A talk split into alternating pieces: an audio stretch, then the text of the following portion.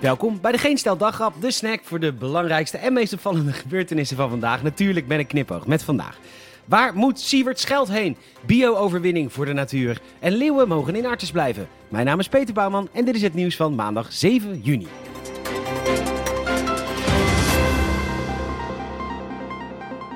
Wat een stom bericht werkelijk. Ja, ik kan het niet anders zeggen van de twee grootste kankerorganisaties van Nederland.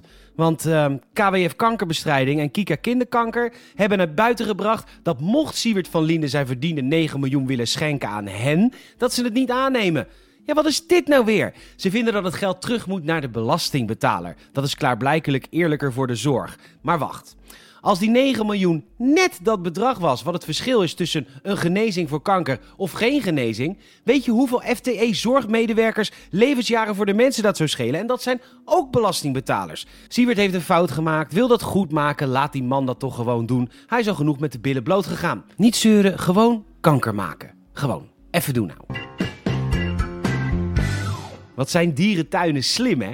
Het Dolfinarium moest dieren afstoten van verschillende dierenwelzijnorganisaties. En toen zei het waterpark: prima, we stoten een paar dieren af richting China.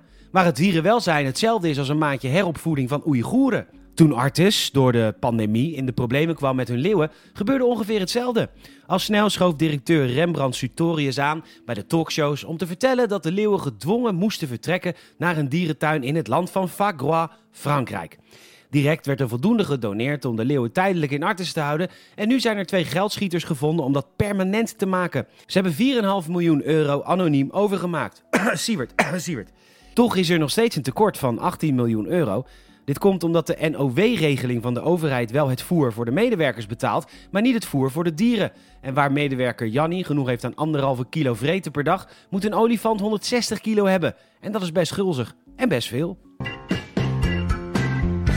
Een grote overwinning voor de groene partijen. Want Energie Vattenval mag de grootste biomassacentrale van Nederland gewoon Dat heeft de rechter geoordeeld. En dus kan het kappen van bos beginnen en dat is eigenlijk vooral heel gezellig. Gezellig in Diemen met z'n allen rond deze enorme open haard. Een flesje wijn erbij, toosje camembert, zalig. En dat alles op kosten van ons, want de fabriek krijgt volgens de Telegraaf 400 miljoen euro subsidie. Dat in tegenstelling tot gewone huishoudens die tegenwoordig steeds vaker een stookverbod krijgen, want houtrook is enorm ongezond volgens het RIVM. Maar als het hele bomen zijn is er natuurlijk niks aan de hand. En het mooie is, bomen groeien gewoon weer lekker terug in zo'n 25 jaar. Mara Grim van het Parool snapt niet waarom de Zeeuwse bolus maar niet landelijk doorbreekt, terwijl bossenbollen en Limburgse vlaaien wel gewoon overal te koop zijn. Wij snappen het wel. Een Zeeuwse bolus is, in tegenstelling tot bossenbollen en Limburgse vlaaien, en ranzig. Kim Jong-un. Wie kent hem niet? Noord-Koreaans politicus, charismatisch leider, premier en dictator. Hij heeft dit jaar openlijk toegegeven dat dit jaar voor zijn bevolking het meest ernstige ooit was. En dat is ongeveer hetzelfde dat als je tegen een overlevende van de gaskamers zegt: het schoolreisje is nu voorbij. Hij is als de dood dat zijn bevolking ook maar denkt aan een gelukkiger leven. En dus heeft hij een nieuwe wet doorgevoerd die het mensen verbiedt om westerse programma's te kijken en westerse kleding en haar te dragen. Doe je dit niet, dan krijg je de doodstraf. De wet is al door de Noord-Koreaanse Tweede Kamer en verwacht wordt dat ook de Senaat zou instemmen, anders krijgen ook zij de doodstraf. Nou, aan de mode van verschillende westerse werelddelen missen jullie helemaal niks hoor. En voor de jeugd van Noord-Korea wil ik best mijn zeer modieuze kleding ter beschikking stellen. Maar mocht je het passen, dan is er niet echt sprake meer van honger, lijkt me.